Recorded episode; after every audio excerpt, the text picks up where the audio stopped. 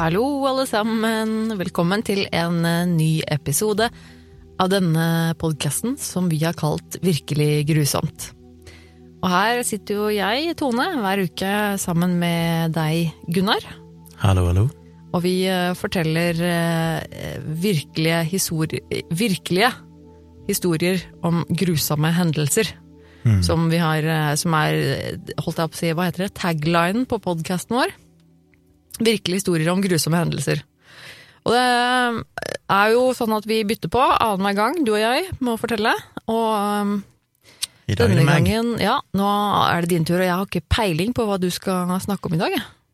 Nei, veldig kjapt før vi begynner. Vi har ei Facebook-side som heter Virkelig grusomt. Gå gjerne inn på Facebook, søk opp Virkelig grusomt podkast, og uh, like den sida der, følg den sida der. Og ellers så har vi jo på slutten av episoden en grusomhetsskala, og det syns vi er veldig kult om dere joiner inn i det.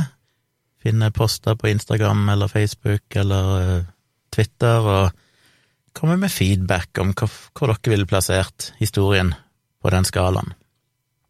Det var formalitetene, Ja. tror jeg. Jeg er glad for at det ikke er jeg som skal fortelle i dag, for jeg er litt sånn sår i halsen.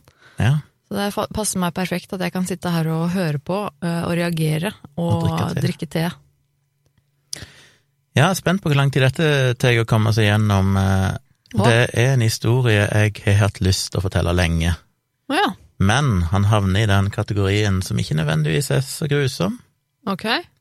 Han er egentlig ikke så veldig grusom, men så, derfor har jeg ikke egentlig fortalt den. Men så kom jeg på at eh, en av mine favoritthistorier fra podkasten her så langt, det er jo den episode ja, en av de første episodene der jeg snakket om disse nederlandske jentene som forsvant i Costa Rica. Absolutt. Veldig, uh, Den er heller ikke grusom, men den er bare veldig mystisk. Den er ganske grusom. Det er jo noen detaljer der Ja, det er eh, noen små detaljer på slutten, men som er ja. ganske grusom. Men det, men det er absolutt en veldig interessant historie. Så denne historien er noe mer mystisk enn grusom, Ja, Men det, er, eh, det, det går fint. men det, vi har jo skjønt etter hvert at eh, ja, trenger sånne historier òg, tror jeg. Ja. Um, og det er godt mulig at du har hørt historien, det vil jeg kanskje anta. Okay. Den handler om, eh, hvis jeg gir deg noen, eh, gir noen minner, hvis jeg sier DB Cooper. Ja. Det gjør det. Og den eh, er jo en relativt kjent sak, men jeg tipper en stor del av dere aldri har hørt om han. Jeg hadde ikke hørt om han før jeg hørte om han, og det er bare for et år siden. Hadde du ikke sånn. hørt om han før du hørte om han? Nei, det er det som er så rart. Men for å ta historien. Vi er jo tilbake på fly da denne gangen òg. Det er ikke fordi det er en- egentlig er en flyhistorie, Eh, det er litt tilfeldig, selv om jeg liker flyhistorier. Denne gangen er det jo mer omstendighetene rundt det, Mm. der fly tilfeldigvis er en del av det. Men vi skal helt tilbake igjen til 1971. Den eh, 24. november, selveste thanksgiving, visstnok. Så Ja. kommer der en eh, middelaldrende mann, bærende på en svart stresskoffert, inn til Skal du kalle det? Eh, billettsalget, billettluka, et eller annet sånt, Mm. hos Northwest Orient Airlines ved Portland International Airport, altså i USA.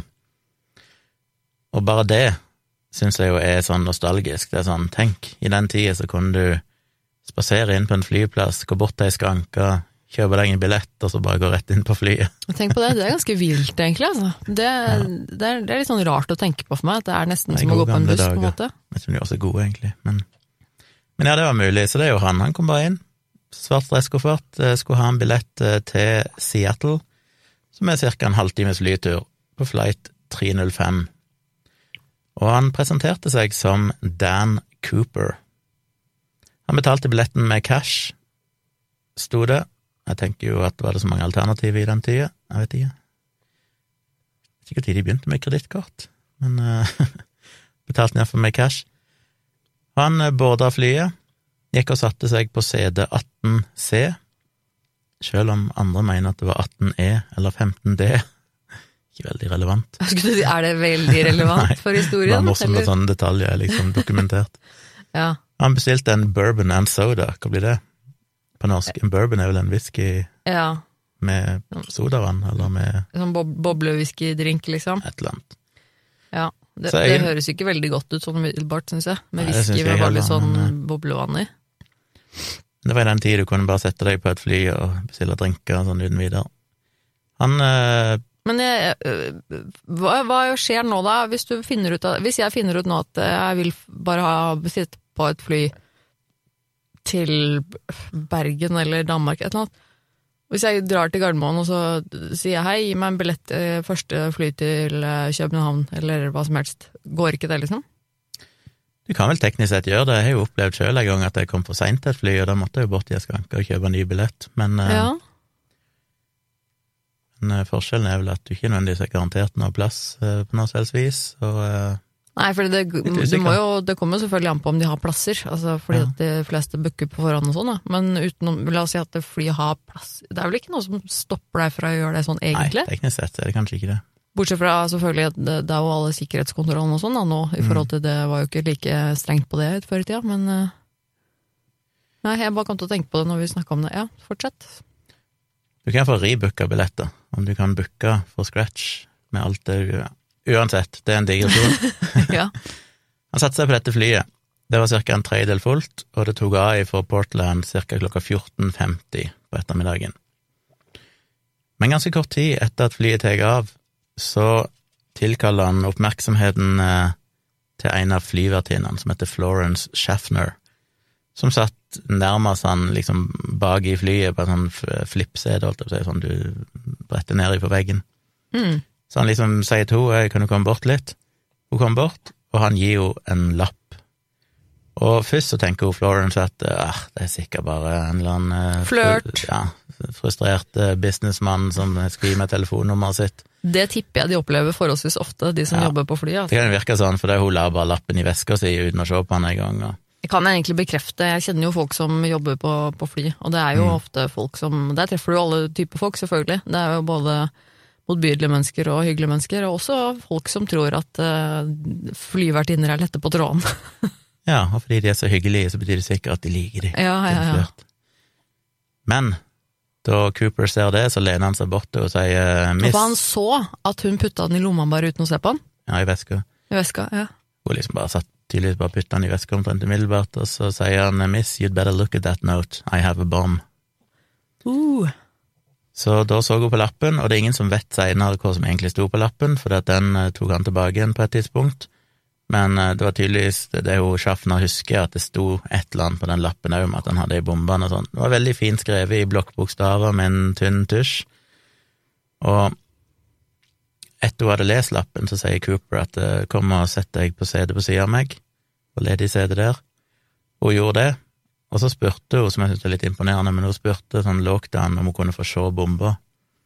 Og da åpna han stresskofferten sin litt sånn på gløtt, lenge nok til at hun kunne se at det lå åtte røde sylindere, sånn fire oppå fire. Ja, En klassisk sånn eh, Donald ja, ja. ja. Duck-dynamittgreie. Med masse ledninger som var i rød isolasjon, og så var det en sånn stort sylinderforma batteri oppi der. Du må være rød, vet du, ellers så blir du ikke tatt på alvor. Ja. Etter han hadde lukka stresskofferten igjen, så sa han til henne at jeg vil ha 200 000 dollar i en eller annen amerikansk valuta som kan forhandles. I en eller annen amerikansk Ja. valuta. på engelsk var det vel in a negotiable American uh, currency. Vi skal komme tilbake til seinere, Ja, ok. men det er en litt sånn rar formulering. Ja. Han ba jo om å få fire fallskjermer, det vil si to hovedfallskjermer og to reservefallskjermer. ja, Han sa at det måtte stå en eh, drivstofftruck, eller sånn tankbil, klar i Seattle til å tanke opp flyet så straks eh, de landa. Og da gikk eh, Schaffner, hun flyvertinna, gikk da fram til pilotene og formidla dette, sa at vi har en flykaprer her, og dette er det han krever. Da hun kom tilbake igjen, så hadde han tatt på seg svarte solbriller, og for de som kjenner historien, og har sett bilder eller sånn fantomtegninger av han, så er det ofte de der klassiske svarte solbrillene som folk gjerne husker, for det finnes tegninger både med og uten. Mm. Piloten heter William A. Scott. Han kontakta umiddelbart Seattle Tacoma Airport Air Traffic Control, som da umiddelbart videreinformerte dette til lokale og føderale myndigheter, og opplyste over høyttaleranlegget til de 35 andre passasjerene at ankomsten i Seattle ville bli litt forsinka på grunn av et sånn lite mekanisk problem de hadde. Ja, ok. Ingen Ja. av de andre visste at eh, flyet egentlig var kapra. Så de sa ingenting om det til passasjerene, altså? Nei. Nei.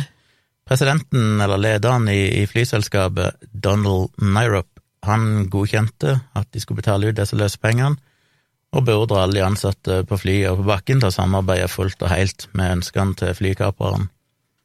Og så endte flyet opp med å sirkle rundt i ca. to timer, fordi at Seattle-politiet og FBI måtte ha nok tid til å få tak i disse fallskjermene, de måtte få tak på 200 000 i løse penger, som jo var en betydelig større sum i den tida, og gjøre klar nødpersonell og sånne ting på bakken.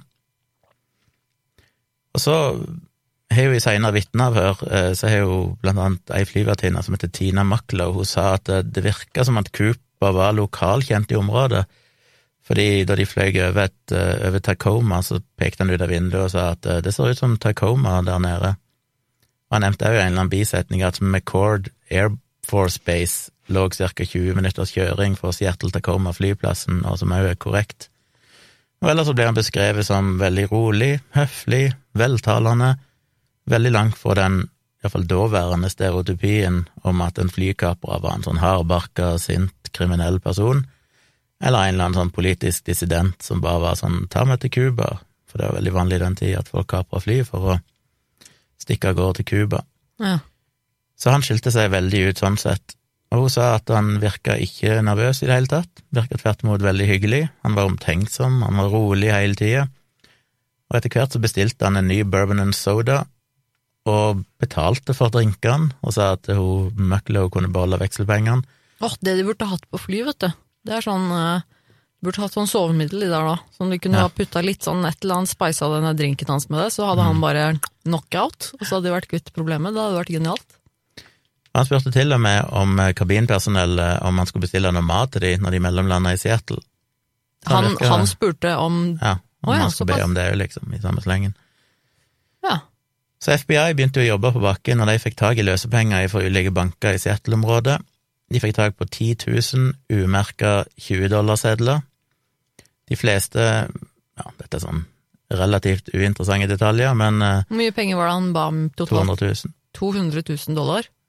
Så de hadde 10 000 20-dollarsedler, de fleste med serienummer som starta på L, som betydde at de var utstøtt av Federal Reserve Bank of San Francisco, og de fleste fra 1963A, eller 1969-serien. Og De tok òg mikrobild, sånn mikrofilmbilde av alle sedlene, så de hadde full record av hver eneste seddel han fikk, liksom, både serienummer og bilder hadde jo alt mulig.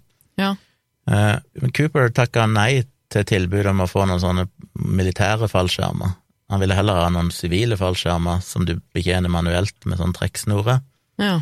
Og Seattle-politiet fikk tak på dem til slutt fra en sånn lokal fallskjermhopperskole i nærheten. Klokka 17.24 så fikk Cooper melding om at alle ønskene hans var innfridd, og klokka 17.39, ca. en time etter solnedgang, så landa flyet på Seattle-Tacoma Airport. Og da ga Cooper beskjed til piloten om å taxe flyet bort til et litt sånn isolert, men godt opplyst del av flyplassen, eh, der du parkerer fly og sånn. Mhm. Så ba han òg om at alle, vet ikke hva du kaller det, de sånne rullegardinene eller sånne skjermene foran vinduet, vinduene ble trukket ned, bare sånn i tilfelle politiet hadde plassert ut snipere.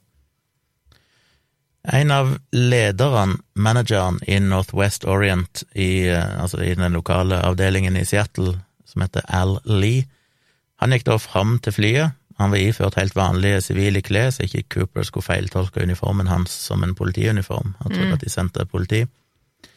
Gikk opp flytrappa bak og ga en sekk med kontanter og fallskjermene til denne flyvertinna, Tina Maklow. Og så fort det var overlevert, så sa Cooper at alle passasjerene, hun der flyvertinna Schaffner, som han hadde gitt den lappen til opprinnelig, og en eldre flyvert, eh, Alice Hancock, kunne forlate flyet. Så drev jo eh, bakkepersonellet og tanka flyet, og samtidig som de gjorde det, så gikk Cooper fram, og så snakka han med cockpit-crewet og fortalte hva som var planen. Og det var at han ønska de skulle flyge sørøst mot Mexico City. De skulle flyge i så låg hastighet som mulig uten at flyet ståla, som da var ca. 185 km i timen. Mm. De skulle ha en maks høyde på 10 000 fot, altså rundt 3000 meter. Landingshjulene skulle være ute, altså senka, hele tida. Han var veldig spesifikk på at vingeflappene skulle være senka til 15 grader, Mhm. og de skulle ikke øke trykket i kabinen.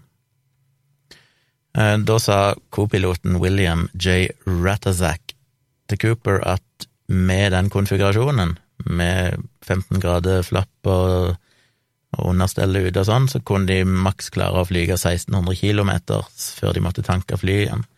Mm. Så da måtte de diskutere litt eh, hvor skulle de mellomlande for å fylle på drivstoff, for de kunne ikke nå helt fram til Mexico City på den måten. Og de ble enige om å lande i Reno i Nevada for å fylle drivstoff. Så ga han òg beskjed om at de skulle ta av med bakdøra åpen og trappa ute. Og da er det ikke altså bakdørene på sidene, men på en måte helt bak i eh, rumpa på flyet. Så kan du jo senke ned i sånn ei luke. Ja. Den skulle være åpen, og det er en sånn trapp du kan bruke da for å gå inn og ut. Den inngangen skulle være nede. Det fikk han protester på fra ledelsen til flyselskapet, for de sa at det, det var ikke trygt å lette på den måten. Han var uenig, sa at jo da, dette er trygt, men han skulle ikke krangle på det, så han aksepterte at de tok av uten at bakdøra var åpen og trappa ute, for han sa han kunne senke den trappa sjøl når de var oppe i lufta. En representant fra FAA, eller Federal Aviation Administration, ba om å få møte han ansikt til ansikt på flyet, for de ville ha en prat med han, men det fikk han ikke lov til. Så ble tankinga litt forsinka på grunn av teknisk problem, så de måtte hente en ny tankbil og sånn, men til slutt så tok flyet av igjen klokka 19.40. Og da var det bare Cooper, piloten Scott, flyvertinna Mucklow, kopiloten Radazak og en flyingeniør Harold E. Anderson som var om bord, så da var det altså ingen passasjerer og minimalt med crew. Etter de tok av, så satte jo militæret opp to F-106 kampfly som tok av for denne her McCord Air Force Base som lå i nærheten, og de fulgte etter flyet sånn utenfor synsvidde, så Cooper kunne ikke se det. Et som fløy litt over, et som fløy litt unna, men langt bak. Mm. Det var jo et sånn Lockheed T-33 som var ute på en øvelse eller et eller annet sånt, som endra kursen for å følge etter i god avstand, men den måtte gi opp til slutt fordi at de gikk tom for drivstoff, så de måtte lande for å fylle. Så fort de hadde tatt av, så gir Cooper beskjed til denne flyvertinna, Mucklov, at uh, hun skulle gå fram i cockpiten til de andre og bli der med døra lukka. Så nå er altså alle personellet inne i cockpiten, de aner ikke hva som skjer ute i kabinen, der sitter han helt alene. Men idet hun gjenger, så ser hun at Cooper begynner å knytte noe, kanskje den pengesekken han hadde fått rundt livet. Mm. Og så blir det stille. De flyr av gårde, vet ingenting hva som skjer der bak, men ca. klokka 20, altså 20 minutter etter takeoff, så lyser det opp et varsellys i cockpiten som indikerer at det apparatet eller maskineriet for å senke den trappa bak var blitt aktivert. Mm. Og da sa denne kopiloten Ratashak over høyttaleranlegget at hei, trenger du hjelp, skal vi hjelpe deg, trenger du assistanse? Men det takka han nei til. Og etter det så er det ingen som eh, kommuniserte med Cooper. Ganske kort tid etter det igjen så merka de rent sånn subjektivt bare at uh, trykket i, i flyet endra seg, som tyder på at den bakdøra var blitt åpna opp, og ca. klokka 20.13 så løfta plutselig halen seg ganske kraftig, altså bakdelen av flyet vippa opp i så stor grad at de liksom måtte korrigere um, Mm. flyginga for å få det til å flyge jevnt. Mm. Men utover det så merka de ingenting. Og klokka 22.15, altså to timer seinere, så landa de i flyet, fortsatt med denne bakluka og den trappa ute, på Reno Airport. Og da ble flyet umiddelbart omringa av FBI-agenter, lokalt og statlig politi. Ingen visste jo egentlig hva som hadde skjedd. Og de entra flyet, gikk gjennom flyet fullt bevæpna, og der var det ingen. Flyet var tomt, bortsett fra selvfølgelig crewet i cockpiten. Så Cooper var altså forsvunnet ifra flyet. Og det er jo på én måte historien, men dette var jo i 1971, og det har jo vært en lang og interessant eh, etterspill Ja. etter det, som gjør dette ja, mystisk den dag i dag. FBI-agentene som sjekka flyet sånn i ettertid, fant 66, 66 fingeravtrykk på flyet. De fant òg en sånn clip-on-slips han hadde på seg. De fant noen sigarettsneiper, og de fant to av de fire fallskjermene. En av fallskjermene var åpna opp, og det så ut til at han hadde kutta av noen av snorene på fallskjermen, som de seinere mistenker at han kanskje brukte for å binde den pengesekken fast rundt livet Mm. eller binde den på kroppen. Og myndighetene intervjua jo mange øyenvitner, både i Portland, der flyet tok av ifra, Seattle, der det landa først, og Reno, der det landa sist. Og de har laga sånne fantomtegninger av denne Dan Cooper. Og lokalt politi og FBI begynte å spørre ut potensielle mistenkte. En av de første de spurte ut, var en småkriminell fra Oregon som heter DB Cooper. Bare sånn i tilfelle at det kunne være Dan Cooper, og at han hadde brukt sitt ekte navn men han ble veldig raskt eliminert som mistenkt. Men en lokal journalist som skulle rekke en deadline, klarte da å blande sammen navnet DB Cooper på denne mistenkte med aliaset Dan Cooper, som han flykapperen faktisk brukte. Så det endte opp med at det var DB Cooper som kom på trykk i avisen, og siden mm. den gang så er han alltid blitt kalt DB Cooper, selv om ja, han teknisk sett selv om han kalte seg bare kalte seg Dan Cooper. Mm. Ingen så noen gang Cooper forlate flyet. De her eh, jagerflyene som fløy bak, så aldri noen ting. Det har aldri blitt plukka opp noe på radar. Ingen har sett noen ting.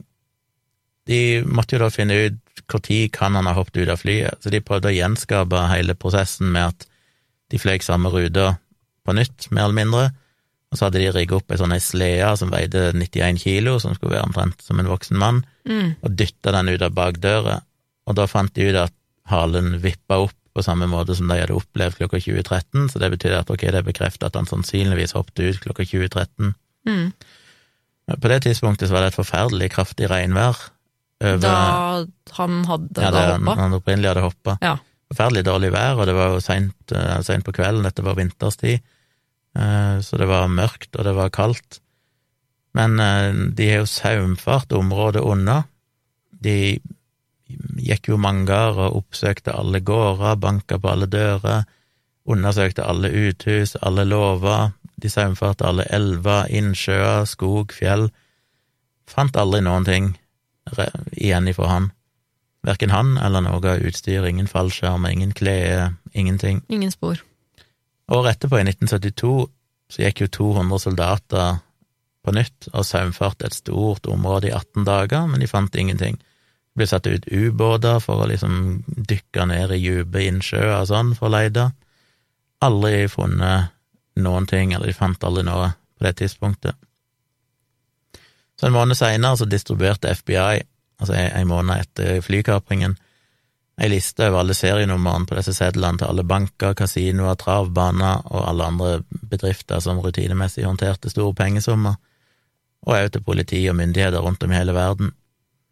Og Northwest, altså flyselskapet, de lovde en dusør på 15% av de løsepengene på 200 000. 15% av det noen fant, men begrensa oppad til 25 000 dollar totalt. Og i 1972 så ble jo serienummeren offentliggjort for allmennheten, som jo kan være lurt, men det førte jo òg til at noen prøvde å misbruke det, så det var to eh, menn som blant annet produserte to falske 20-dollarsedler der de hadde trykt på to av de serienumrene, og brukte det til å svindle en Newsweek-reporter for 30 000 dollar fordi han betalte det, og de viser disse sedlene som bevis på at de hadde han mannen som var DB Cooper, eller Dan Cooper, mm. og han skulle få et eksklusivt intervju, ja, det men det viser seg jo bare å være en bløff. Tidlig i 1973 så publiserte avisen The Oregon Journal alle serienummeren, og lova 1000 dollar til den første som kunne vise fram en av sedlene til avisen eller et uh, FBI-kontor. Det samme gjorde en annen avis som heter Post Intelligencer, men de lovte 5000 dollar i dusør. Men pengene dukka aldri opp. Aldri noen. Det var mange som forsøkte med falske sedler og alt mulig rart sånn, og de fant en del som var nesten samme serienummer, men det var ingen som var faktisk korrekt serienummer. Så til slutt, i 1975, så måtte forsikringsselskapet til flyselskapet betale ut 180 000 dollar for å dekke det tapet deres. Og så er det jo vært mye granskinger i ettertid. Um, de har jo sjekka etter hvert som en mer moderne teknologi og sånn òg, så har en jo sjekka ting. Ikke så veldig langt etter dette skjedde, så, så fant de ut at ah, på grunn av vindhastighet og ditten og datten, så gikk nok egentlig flyet ei litt annen rute enn det de opprinnelig hadde trodd. Uh, så de fant ut at de initielle beregningene var feil men de har vel leita stort sett på alle områdene, så det hadde ikke noen sånn stor betydning. Og det fascinerende er at først 8. juli 2016 så stoppa FBI den aktive etterforskinga av Cooper-saken. Hmm, var det så seint, ja? Så den holdt jo på i 45 år. Ja. Før Holdt på er vel kanskje å ta i, men den var åpen? Jeg regner med at det ikke Ja, var noe aktiv undersøk, altså etterforskning hele Både òg for at de, han er ikke stengt i den forstand at de vil fortsatt ta imot legitime fysiske bevis og sånn, og kunne gjenåpne saken hvis det skjer. Ja. Så er det klart, ja, aktiv og aktiv, men han var aktiv nok til at han var liksom ikke Det var tydelig så at det pågikk fortsatt en og annen gransking, eller at de kanskje matcha ting opp mot ting i registeret hele tida, Mm. og sjekka om de kunne finne noe, men det fant de ut at nå måtte de bruke Altså En av grunnene var at de fant ut de måtte bruke ressursene på mer viktige ting. Så det betyr jo at det har vært en viss ressursbruk på dette helt fram til 2016, tydeligvis, som er ganske fascinerende. Nesten litt rart at de gidder, det er jo ikke Ja. Altså, det må jo ha kosta uendelig mye mer penger enn det han Ja. stakk av med, så det Ja. Men så kom jo det som var litt fascinerende, og som er enda mer mystisk. I, ja, før det så kan en jo nevne at det eneste de har funnet to ting i ettertid, og da hadde gått en del år, så fant de noe. I 1978 så var det en jeger ute i det området i Washington som plutselig fant ute i skogen et sted et sånn instruksjonsark, eh, sikkert sånn laminert instruksjonsark, som forklarer hvordan du senker trappene, den eller den baktrappa, på nettopp den Boeing 727 Mm. Var det Boeing? Ja. Jeg husker ikke hva flynummerne er, men i hvert fall den flytypen. ja. Og det er jo veldig sannsynlig at den har noe med han å gjøre, Mm. men det var ikke noe nytt i det sånn utover at det var en kuriositet. Men den 10. februar 1980, altså ni år seinere omtrent, så var den åtte år gamle gutten Brian Ingram på ferietur med familien ved Columbia River, omtrent 14 kilometer nedstrøms fra Vancouver, Washington. Og han drev og gravde i sanden for å lage til et leirbål eller et eller annet sånt, og plutselig så dukka det opp tre pakker med sedler. Det var to pakker som hadde 100 20-dollarsedler i hver, og én pakke der det bare var 90 sedler. Men alle sedlene var av det serienummeret som Cooper hadde fått, og de lå Mm. fortsatt i nøyaktig samme rekkefølge som han hadde fått de overlevert i. Og sedlene var jo naturlig nok etter ni år gått en del i oppløsning, men alle var fortsatt festa sammen i tre fine bunter med gummistrikker. Mm. Og her kan en jo lese og granske seg blå med hypoteser og teorier om hvilken vei elver strømmer opp og ned, og hvordan passer dette sammen, og mye sånn konflikterende hypoteser om hva som er mulig og ikke mulig, om de sedlene kan ha havna der, og ditten og datten. Mm. Men det er jo en del sånne spørsmål. Det ene var jo hvorfor mangler det ti sedler ifra den ene pakken, når resten av de er fint samla sammen? Det mangler ti sedler. Mm. Ja. Hvorfor fant de de tre pakkene samla sammen, mens alle de andre pakkene er forsvunnet? Mm. Eh, Så jeg mener, selv om de har ja, forsvunnet i luft eller et eller annet sånt, så er det rart at de lander, at de på en måte er samla, de tre, da. ja. Og så var det mye sånn spekulasjoner og analyser som ble gjort, og de, noen mente at de sedlene måtte ha havna nede i sanden på elvebredden der innen et par år etter, de, etter kapringen, for ellers, hvis de hadde vært eksponert for luft og vann og sånn, så ville gummistrikkene ha forvitra. Ja.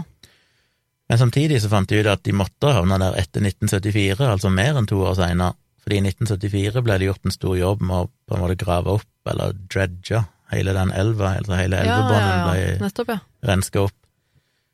Så Hmm. de må både ha havna der innen to år, men samtidig så vet de ganske sikkert at de, de havner der seinere, på et eller annet tidspunkt.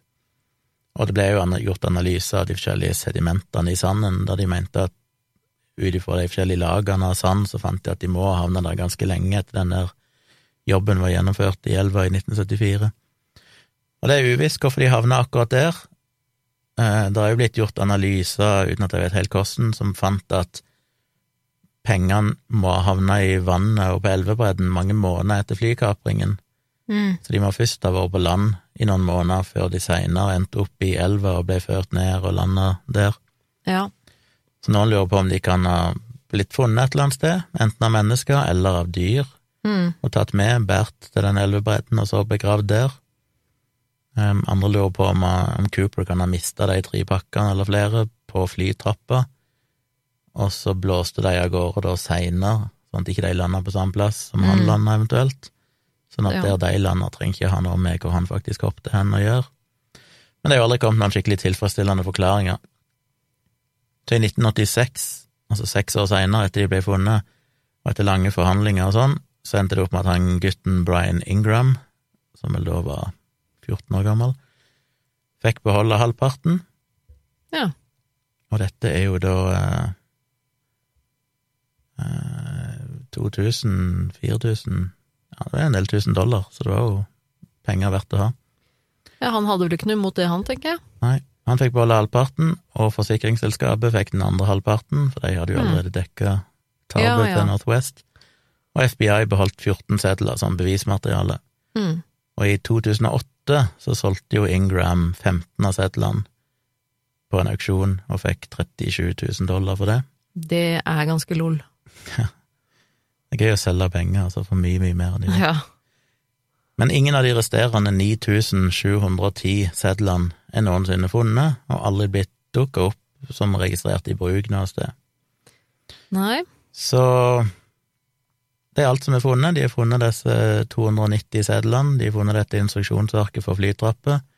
Også for det så er ingenting funnet igjen. Og det er jo det som er litt rart, at du ber om 200 000 i løsepenger, men de er helt åpenbart aldri blitt brukt noe plass, de pengene, og han har heller aldri funnet de noe sted. På tross at den er saumfart, basically alt som er av skog og fjell og vann og elver. Og etter så lang tid, hvis de hadde havnet i vann eller noe sted, så ville en anta at de ville blitt skylt opp et eller annet sted i, i vannkanten en eller annen plass, men nei, ingenting er noensinne funnet.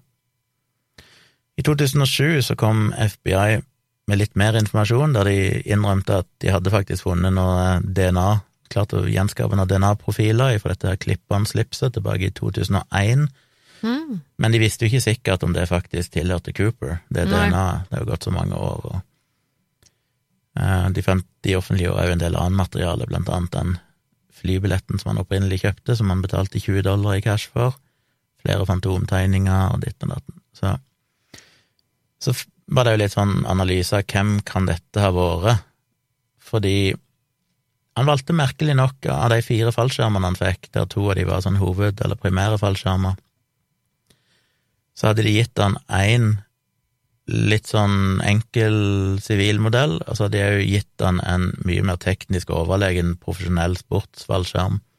Men han Mm. valgte altså den mest primitive og eldste versjonen av de. Og av de to reservefallskjermene så hadde de, og det var de veldig tydelige på i ettertid, ved en ren feiltagelse, gitt han én dummy reservefallskjerm. Oi. Altså en som ikke virker, som kun er til sånn demonstrasjon opplæring. Jøss. Eh, Men den valgte han, da, så han hoppte med den dummy-fallskjermen Ja. som reservefallskjerm, så det er jo ikke sikkert det er noe stor betydning, men eh, han hadde jo som sagt kutta snorene ifra den andre, som han da kanskje brukte for å binde pengesekken til kroppen, og så er det i ettertid da vært mange sånne forskjellige private initiativ med etterforskere og sånn, som er opprettet sånn Cooper uh, research-greie som skal drive og forske på dette, med, med mer moderne teknologi, der de bruker GPS og forskjellige ting, og analysemetoder. Og en av tingene de har funnet der, er at da de analyserte slipset, så fant de mikroskopiske partikler av forskjellige litt sånn sjeldne eh, mineraler og metaller, blant annet titan, som var mye sjeldnere i 1970 enn det det er nå. Og det fant du egentlig kun i noen sånne produksjonsfasiliteter eller kjemiske selskaper, eller selskaper som samla inn skrapmetall fra sånne andre selskaper som brukte titan. Men det var et relativt sjeldent metall. De fant òg noen andre veldig, veldig sjeldne mineraler som egentlig, eller en av de få plassene det var i bruk, var hos Boeings Supersonic Transport Development Project. Så det har jo gjort at folk spekulerer i at han kanskje var ansatt i Boeing. Mm. Og han visste jo mye om fly. Han kjente jo detaljer om bakken, han visste hvor den her militære flyplassen var. Han visste akkurat eh, hvor mange grader du skulle ha disse vingeflappene i. Han visste at denne trappen kunne løses ut manuelt, at det ikke kunne stoppes ifra cockpiten. Mm. Um, han hadde mye kunnskap om fly, åpenbart. Og når de, når de liksom profiler han, så mener de at den type flykapere som regel er veldig desperate etter penger. Mm. Så enten må han ha vært des veldig desperat etter penger, siden han ba om det, eller så kunne han òg være en person som bare ønska spenningen og ville vise at hei, dette er mulig å gjøre, en Ja. sånn fyr. Og så er det spekulert litt i at navnet Dan Cooper kan komme fra en belgisk tegneserie der det er en fiktiv karakter som heter Dan Cooper, som jobber i Royal Canadian Air Force, som utførte liksom mange heltedåder, en av de inkluderte blant annet å hoppe i fallskjerm. Men den tegneserien ble aldri oversatt til engelsk, eh, den var vel bare på fransk, og ble aldri importert til USA, så han kan selvfølgelig ha sett det på en reise i Europa, eller så er det mange som spekulerer at han kanskje var kanadisk, fordi at der solgte de jo i den franske Mm. delen av Canada, Ja. så var visst denne her tegneserien importert. Mm. Og så er det dette med at han sa at han kunne ta løsepengene i en amerikansk valuta som kunne forhandles, som er et uttrykk som veldig sjelden blir brukt av amerikanere, men Ja. det kan jo være at han da mente at han kunne akseptert kanadiske dollar òg, Ja. at det ikke nødvendigvis måtte være US dollars. Men de sa, de som snakka med han, at han hadde, han hadde ingen tydelig dialekt, som òg gjør at han kan ha vært kanadisk. Altså det var lite som tyda på at han snakker ikke noe brokkent engelsk eller sånn, så han var åpenbart snakka jo amerikansk eller kanadisk opprinnelig. Mm. Og så er det jo litt gøy at han, eh, eller sånne ting som er taktisk lurt, for eksempel at han ba om hvorfor ba han om fire fallskjermer istedenfor bare to, når han trengte bare to, en hovedfallskjerm og en reserve. Og det var nok, mener de, fordi at han ville gi inntrykk av at han kanskje ville hoppe med et gissel, og da sikrer han seg mot at de kødda med fallskjermene, for da Mm. ville ikke selvfølgelig at gisselet skulle dø, så det Ja, var bare en måte å sikre seg på at han fikk fallskjermer som faktisk virker. Eh, og så er jo spørsmålet, var han en erfaren fallskjermhopper? Kunne han ha vært en militær, en eh, soldat, et eller annet sånt tidligere? Noen mener at ut ifra det han kunne, den kunnskapen han hadde om fly og alt mulig sånn, så er det mye som tyder på det, mens andre sier at det virker jo egentlig ikke sånn, for han hoppa ut i stummende mørke i en regnstorm der vinden var ni, eller effektiv temperatur var minus ni grader. Altså, da må du være ganske gæren. Ja, han var kledd i dress og ei hvit skjorte, og han valgte dummy-fallskjermen, som er tydelig merka med at dette er en dummy-fallskjerm Ja, til kun opplæring. Ja, okay. Så det tyder jo på at kanskje han ikke var så veldig erfaren allikevel, og mange mener jo at han kan ikke ha overlevd selve hoppet, Nei. fordi å hoppe ut ifra 3000 meter i minus ni grader uten å være skikkelig påkledd i regnstorm i mørket, du har ikke peiling hvor du lander hen. Nei, du ser jo ikke omtrent heller noen ting, så Nei. når du lander, så og For dette her, så vidt jeg har skjønt, så var det eh, langt, altså utover ødemarken, så Ja. da er det jo ikke noe lys, da. Så da vil det jo bli en røff landing, og det kan være mye rart å lande i der, både trær og Nei, du skal nok ha flaks for å klare å lande uten å skade deg eller drepe deg. ja. Mm. Så det er andre som spekulerer i at han kan som sagt ha en militær bakgrunn, men han kan ha jobba som en, det de kaller for en aircraft cargo loader, som Ja. jeg forsto er òg på sånn militærfly der de kaster ut cargo, altså Ja, hva heter cargo på norsk? Uh, uh, Nå står det helt stille. ja, hva Last. heter det? Ja, last. Ja, ja, ja. Nei, ut av den bakluka, for at de som har den jobben der, de har på seg fallskjermer sånn når de er oppe i flyet og kaster ut dette her som sånn sikkerhet.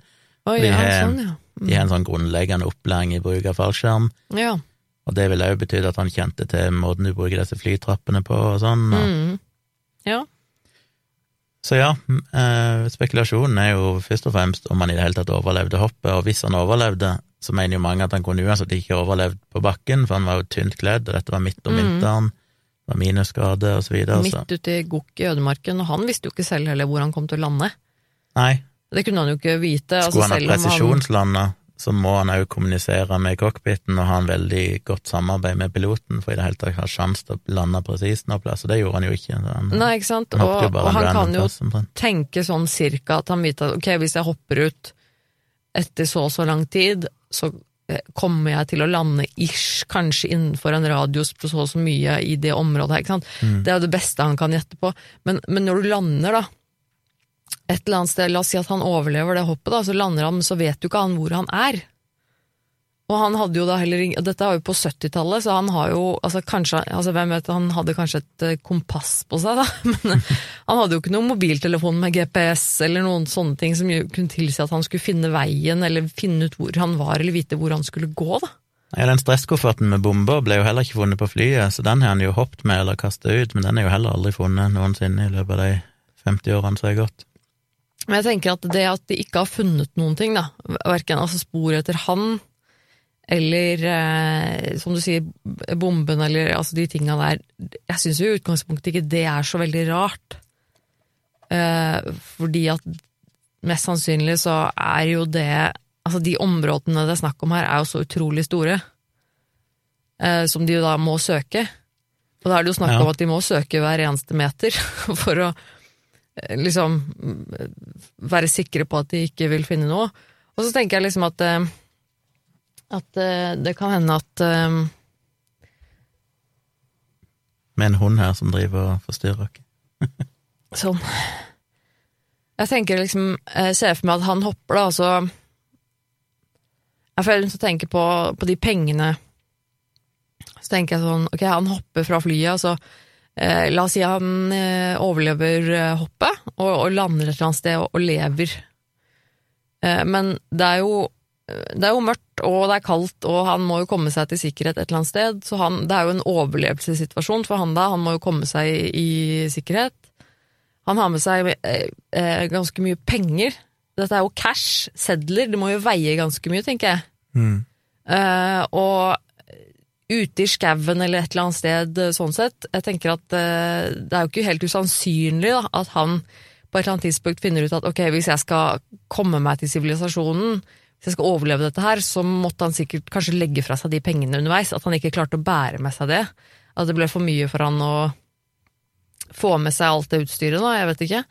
Eh, kanskje han tenker at ok, jeg graver ned de pengene her, eh, her, og så gjør han seg kanskje noen mentale hva heter det, eh, notater om hvor, de, hvor han tror han er hen, eller et eller annet, eller bare gir, altså gir opp de pengene. Mm. Eh, og så er, er de pengene kanskje ligger der enda, eller så har han tatt med seg bare litt av dem, eller eh, altså hva som helst. Men jeg tenker at de pengene som havnet i vannet, det derre det med at de havnet i den elven, er kanskje ikke Jeg syns ikke det i utgangspunktet høres så merkelig ut, for det kan jo være det ikke, jeg, jeg ser for meg at det lett kan være et eller annet dyr som har funnet et, som går rundt og så graver opp et eller annet, eh, finner en pose med Var det en pose, eller hva var det for noe? Nei, det var bare tre bunter. Ja, Bu- Bunter?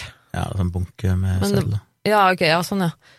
Men Mm, at de har liksom altså. prøvd å, å Hva er dette for noe? Sniffa på det, og så har de på en måte dratt det med seg, eller dytta det, og det havna i vannet på et eller annet tidspunkt, eller det er liksom ikke så Ikke så rart, egentlig. Eh, på et eller annet vis. Der jeg tenker at det er mange ting som kan ha skjedd for at de skal havne i vannet. Ja, men det er Eh, ganske god avstand fra der de ble funnet til der han sannsynligvis hoppet, så det er liksom mange men det er det, for at, spekulasjoner eh, med Ja, men det, det er det jeg liksom ikke helt klarer å, å synes at det er så mystisk, på en måte. For at det, det er jo ingen som vet når han hoppet. Og de kan jo heller ikke vite det sikkert. Og som du sier, så Som du snakket om at de At de fant ut at nei, han hadde, var nok ikke der flyet hadde flydd, da har han kanskje flydd litt mer i den retningen i forhold til det de trodde først, og sånn. Um, så jeg tenker at det blir så mye sånn ish og cirka og uh, umulig å vite, da.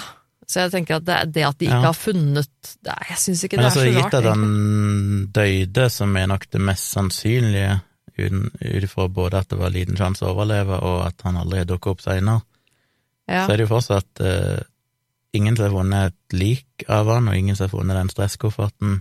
Men det kan jo hende han overlevde. Altså, er det ikke, er det, Jeg mener du skal at det var noen som har påstått etterpå at, de har, at det er blitt noen sånne spekulasjoner om at de har truffet han i ettertid og sånn.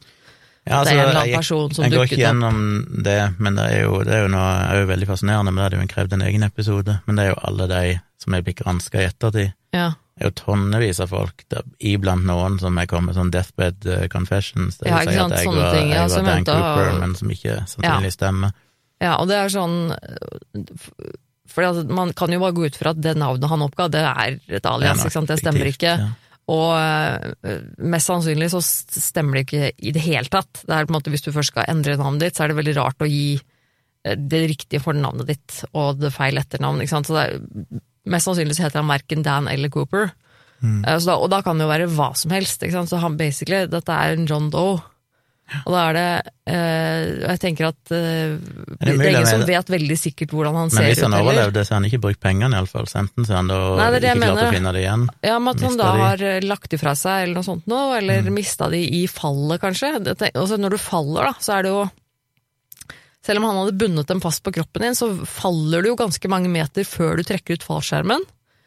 Og det er jo ganske mye altså, trykk og, og, og vind og sånn, som du på en måte vil Motstand, da, som du får når du hopper ned eh, ut i, av flyet.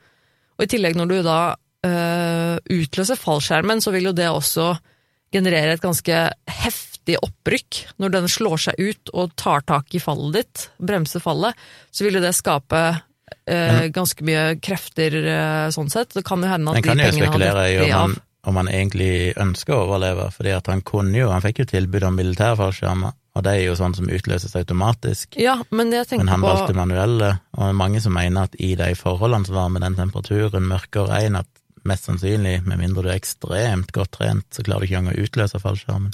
Men hva om han eh, ikke visste hvordan han brukte de?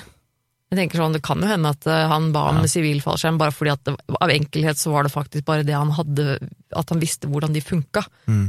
Eh, hvis han hadde For at jeg tenker at sivile sivile fallskjermer, det er jo på en eller annen måte sikkert mulig at han har vært borti før, eller i hvert fall har funnet ut hvordan det funker, men en militær fallskjerm tenker jeg at det er kanskje ikke hvem som helst som vet hvordan man bruker det. Så at han da ba om en sivil fallskjerm, så kan det jo hende at det var rett og slett bare fordi at han var sikker Ja. på at han visste hvordan de funka. Ja, det er iallfall ganske mange mistenkte, og det legger vi inn linker i shownotes, så dere kan lese sjøl, og vi legger kanskje inn eh, til en video eller noe sånt òg om dette. Men det. Men det jeg skulle si også, er at fordi at eh, hvis han overlevde, da, så det kan jo godt hende at han faktisk gjorde det. Og jeg tenker at det er jo en grunn til at han gjorde dette her, ikke sant. Han, jeg tenker jo i utgangspunktet at hans motiv for å gjøre dette her høres ut som han, at han ville komme seg vekk fra noe. Han ønsket å rømme fra en eller annen situasjon. Eh, han, eh, han, for han var jo hyggelig mot alle rundt seg, ikke sant. Han skadet jo ingen. mm, Han ville ha penger, og han ville sluppet av sånn eh, Hoppa et sted hvor ingen skulle finne ham. Det var jo tydeligvis meningen at ingen skulle vite hvem han var, eller hvor han, hvor han ble av. Så det kan jo hende at han lever, for han heter jo åpenbart ikke Dan Cooper, og det at han vil holde seg i skjul et eller annet sted han, Kanskje han overlevde å komme seg til en eller annen øde landsby et eller annet sted, og så skaffa seg nytt navn og sånn, og så skulle han ha de pengene for å altså, komme seg, da, og overleve et eller annet sted. For da mista det at hvis han hadde en currency, en valuta som USA-dollar eller et eller annet, så eh, var det mest sannsynlig, uansett hvor han landet eller kom seg, så var de enten mulighet til at han kunne bruke de, eller bytte dem inn. Altså jeg tenker at Det er jo helt tydelig at han mente å rømme fra et eller annet. Og komme seg at han, altså Jeg tenker at det at han ville dø med vilje, er ganske usannsynlig. For hvorfor i all verden skulle han hatt penger og sånne ting da? Nei, men det er jo liksom andre ting òg, da. Hvorfor brukte han tid på å forhandle om hvor de skulle mellomlande, når han uansett visste han kom til å hoppe ut lenge før de mellomlanda? Det virker jo bare som en sånn avledningsmanøver for å ikke vekke mistanke, men hvorfor skulle de ikke hvorfor Det var vel kanskje for at han skulle De visste jo at han skulle hoppe av, han sa jo han trengte tilgang til baktrappa, han skulle ha fallskjerm, så det er jo litt sånn rart. Ja. at de- men, men hvis du tenker på For han har da tenkt at de skal lande i Mexico City. Mm. Så han har sett for seg da sikkert ruta fra der de var til Mexico City i hodet sitt, og da vet han at hvis jeg hopper ut så og så lenge etter, så vil jeg havne der. Så hvis han forhandler med dem om hvor de skal mellomlande, så må jo han kanskje omkalkulere ruta si litt i hodet sitt. da, Så han tenker at ok, men hvis vi lander på den isteden, så er det omtrent cirka samme Men det betyr jo altså, at han neppe kan ha hatt noen samarbeidspartnere på bakken, for han kunne ikke informert deg om den endringen. Nei, det hadde han nok ikke, da. eh, Som også styrker den eh, teorien om at han mest sannsynlig ville rømme fra å gjemme seg, da. Ja, kanskje. Eller hvorfor tror du ikke det? Eller? Jo, jeg bare syns det virker som en uh, Gitt de forholdene som var, som de fleste eksperter omtrent karakteriserer som den sikre død, så virker det som et litt sånn rart valg. Hvis han vil komme seg vekk, så er det kanskje andre litt mer trygge metoder å gjøre det på enn å hoppe ut i minusgrader i natta. Jo, men det er det også som får meg til å tenke at han nok kanskje ikke var veldig ekspert. At han valgte da en sivil eh, fallskjerm, som han eh, visste, i hvert fall kanskje i teorien, hvordan funka. Eh, men tydeligvis så kanskje han da ikke var eh, ekspert nok til å skjønne at hvor farlig det var å hoppe ut i den situasjonen, da. Mm. Eller kanskje han visste det, men at han ikke noe, visste noe om at været kom til å bli så dårlig, eller eh, jeg vet ikke. Det er litt så altså, liksom motstridende, for han har tydeligvis mye informasjon. Han kan mye om fly, han kan nok om Ja, deg, men, Men er ikke det noe du kan også lese deg opp, på en måte? eh, Tror du? Folk mener jo, altså det var ikke noe internett i den tida. Folk sier at informasjon om den baktrappa sånn, det var aldri offentliggjort for uh, public, for det er ikke noe som folk trenger å vite om. Da må Nei. i så fall kjenne noen som jobber med sånt, eller han som sagt kan ha jobba med dette tidligere sjøl og hatt, fått kunnskapen den veien. Men det må jo være mulig han, å få tak i noen sånne bruksmanualer for flymaskiner eh, på et eller annet vis. Gud, den virker som mulig i 1971. Men jeg synes det er veldig interessant det som skjedde i ettertid òg, for at vi snakket jo litt om det innledningsvis, hvor eh, hvor usikkert det var i den tida. Du kan jo gå inn, bestille en billett, du trengte jo ikke identifisere deg, kan jo oppgi et falskt navn og reise av gårde. Mm. Etter den flykapringen i 1971 med DB Cooper, eller Dan Cooper, så markerte det på mange måter slutten på den type reising. Mm. Eh, I 1970, altså året før, så hadde visst USA innført noe, innført noe de kalte for et sånt føderalt Sky Marshal Program, uten at jeg helt vet hva det er, men det virker som en sånn egen slags politistyrke knyttet opp mot flybransjen, som skulle ha litt mer kontroll på sikkerhet.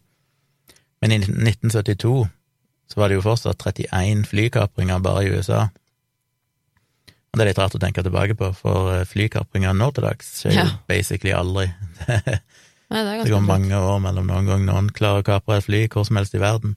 Ja, Men da var det 31 flykapringer bare i USA alene, fordi det var ingen sikkerhet. Du kunne bare gå rett på flyet uten at noen sjekka deg. Ja. 19 av de flykapringene var jo folk som ville ha løsepenger, og resten av de var folk som ville komme seg til Cuba. Mm.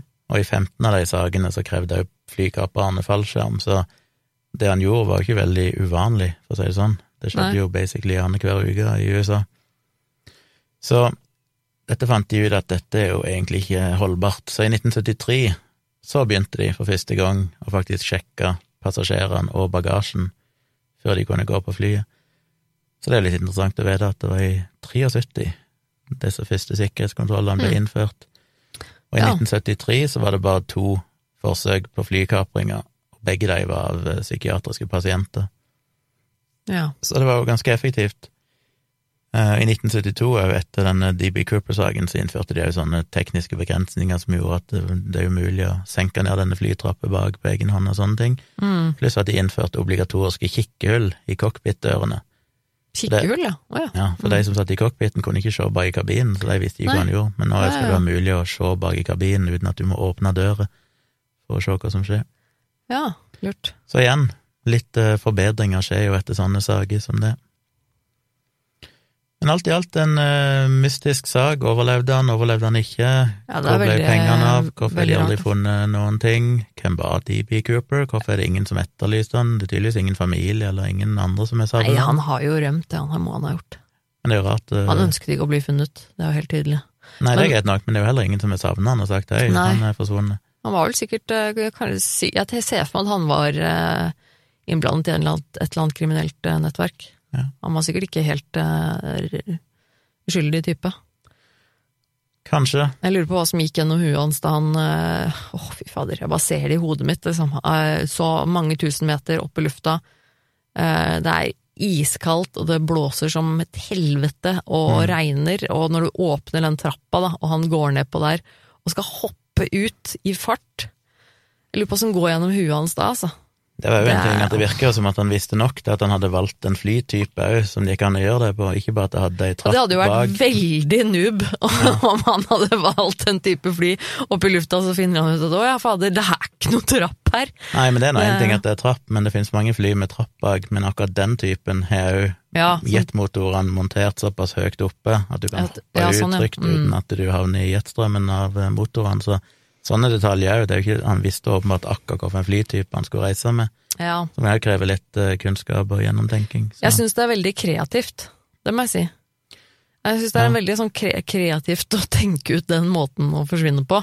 Bare lurer på de 15 andre sakene i år etterpå der de folk krevde fallskjerm. Jeg fant ikke ut noe mer om det, om, de, om noen av de endte opp med å hoppe, eller om de bare ba om Å, ja. fallskjerm, men så Ja. hoppet de aldri. søren. Og det har vært andre saker òg, eh, der folk har gjort det samme. Der de har krevd løsepenger og hoppet ut av flyet. Men eh, dette er jo den mest kjente saken, fordi at de aldri fant den igjen, som gjør det litt mystisk. Ja, det er, altså det, er jo, ja, det er jo selvfølgelig eh, litt mystisk, og det er jo utrolig sånn fascinerende. Eh, og lurer jo veldig på hva som skjedde. Det er jo alltid litt sånn Man blir jo alltid veldig nysgjerrig når det er sånne ting Det man ikke får svaret på. Ja, det kommer aldri til å skje igjen. Det er helt umulig å gjennomføre. Så. men jeg, min teori er jo, er jo det at han, han eh, var nok eh, en fyr som var eh, inne i et, et eller annet form for kriminelt nettverk, eller har i hvert fall dratt på seg noe eh, han ville rømme fra. Og hadde klekt ut denne ideen her, om at det var en god måte å gjøre det på, for da visste ingen, ingen, ikke engang han selv på en måte, ville liksom vite nøyaktig hvor han, hvor han ble av. Og at han var såpass proff at han hadde gjort masse research, og hadde mest sannsynlig da fått tak i sikkert sånne eh, manualer for fly, og han hadde sjekka masse dette her på forhånd, tydeligvis, siden han visste hvilke fly han skulle ta, videre. Tydeligvis eh, planlagt dette her nøye på forhånd. Det, det skjønner man jo. Men at han likevel på en måte da ikke var proff nok til å eventuelt kunne bruke en militær fallskjerm, og ikke nok til å liksom skjønne at, at det var farlig å hoppe ut. Men er sånn, en annen, på en annen side, sånn, hvilket valg hadde han? Det liksom, han, visste, han måtte jo bare hoppe, på en måte. Selv om han da kanskje var oppegående nok til å skjønne at ok, det er faen meg livsfarlig å gjøre dette her nå. Jeg kommer ikke til å overleve dette hoppet her, dette været, det er mørkt, det er kaldt. Eh, Så er det jo Han hadde jo ikke så mye valg, da. Eller sånn, altså, hadde han blitt med fly ned igjen, så hadde han jo blitt pågrepet. Så Nei, Hvis han overlevde, så er det jo mye styr for ingenting, ettersom pengene sannsynligvis ikke Eller gudene vet det, hvordan de kan hvitvaske de pengene og, og at få verdien uten å bruke dem, men Ja, for det er det at de ikke har dukket opp igjen. Ja, ikke sant. Nei, jeg, tenker at han må ha På et eller annet vis er de pengene blitt eh, jeg har nok ikke noe særlig tro på at han overlevde. Jeg tror det var et dødshopp, og Ja, en eller annen dag i framtida så finner de plutselig et uh, mystisk skjelett ute i skogen i Washington, og så er det sånn shit, nå er DB Cooper funnet. Ja. Jeg vil også tro at det, for det høres veldig, veldig Men jeg syns fortsatt det er rart at etter 50 år så er de fortsatt ikke funnet noen ting. Selv om det er et stort område, og det er skog og sånn, så er det mye mennesker og fly og droner og alt mulig rart som er rundt i Det er ikke mange plasser nå lenger som er sånn helt ukartlagt. Så anyway. Men for å runde av, spørsmålet er jo Her må vi jo nesten innføre mystikkskalaen igjen. Ja, men eh, jeg, jeg, Ikke for å eh, være Altså, jeg mener ikke noe negativt om historien, for jeg syns det er en veldig jeg synes det er en veldig interessant historie. Jeg synes det en, eh, det er en artig, eh, mystisk greie. Jeg hadde jo hørt eh, historien før, da. Mm. Um, men, men jeg har jo så klare teorier på måte, i hodet mitt om hva som har skjedd. da. Jeg ser liksom for meg skjedde, så det er ikke mystisk ja, greie. ja, men det er liksom det. Jeg vet jo ikke hva som har skjedd, selvfølgelig vet jeg jo ikke det, men det er liksom noe med at jeg kan, jeg kan liksom se for meg ganske mange scenarioer i hodet mitt om hvordan det har foreløpt. da. Mm. Og jeg, så jeg, jeg syns jo egentlig ikke det er veldig mystisk heller. Eh, Men veldig interessant og veldig spennende og veldig sånn Jeg tenker at du, du skal være rimelig desperat ass, for å gjøre noe sånt noe. Da, da, det, er, eh, det, er en, det er en stor sjanse å ta. Så, Jeg syns det er mystisk, bare fordi at, eh, som sagt, ingen har savna han, så det er i utgangspunktet ingen som visste hvem han var. mm, Heller ingen som har funnet han etterpå.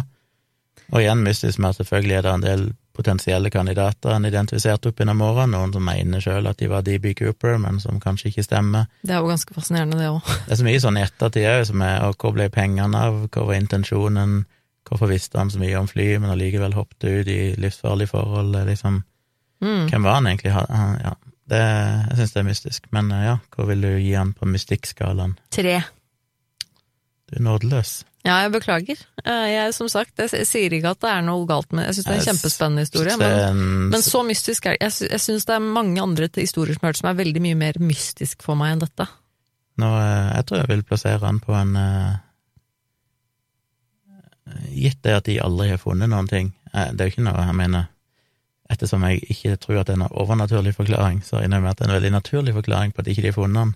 Mm. Men det er der mystikken ligger. Har de ikke funnet han bare fordi at statistisk sett er liten sjanse å finne det, Mm. restene, eller er det fordi han faktisk overlevde og klarte å leve videre uten at noen identifiserte han seinere? Mm. Jeg fortsatt det er mystisk, begge deler. Så jeg, for meg havner det nok på en seks eller sånn på musikk, eh, mystikkskalaen. Mm. The M-scale. The M-scale. Nei, men det, Så da er vi er jo nysgjerrig nysgjerrige på hva dere lyttere mener. Skriv Ja. det inne på Facebook-sida vår, Virkelig grusomt, eller eh, andre plasser dere ser med Det er best å gjøre det på Facebook, men hvis ikke du er på Facebook, så kan du gjøre det under posten på Instagram. Eller Twitter. Ja, Vi poster jo både på Instagram og Twitter under navnene Civix, som er min konto begge steder, CIVIX, som du gjerne må følge, eller Tone Sabro, som er Tone sine kontoer begge steder, som du òg kan følge. Og der poster vi hver episode. Det er veldig kult å høre rangering og sånn fra dere der ute. Hvordan dere Mm. rangerer historiene våre på, på skalaen, men også om dere har noen teorier. Hva tror du der ute? Hva har skjedd med DB Cooper?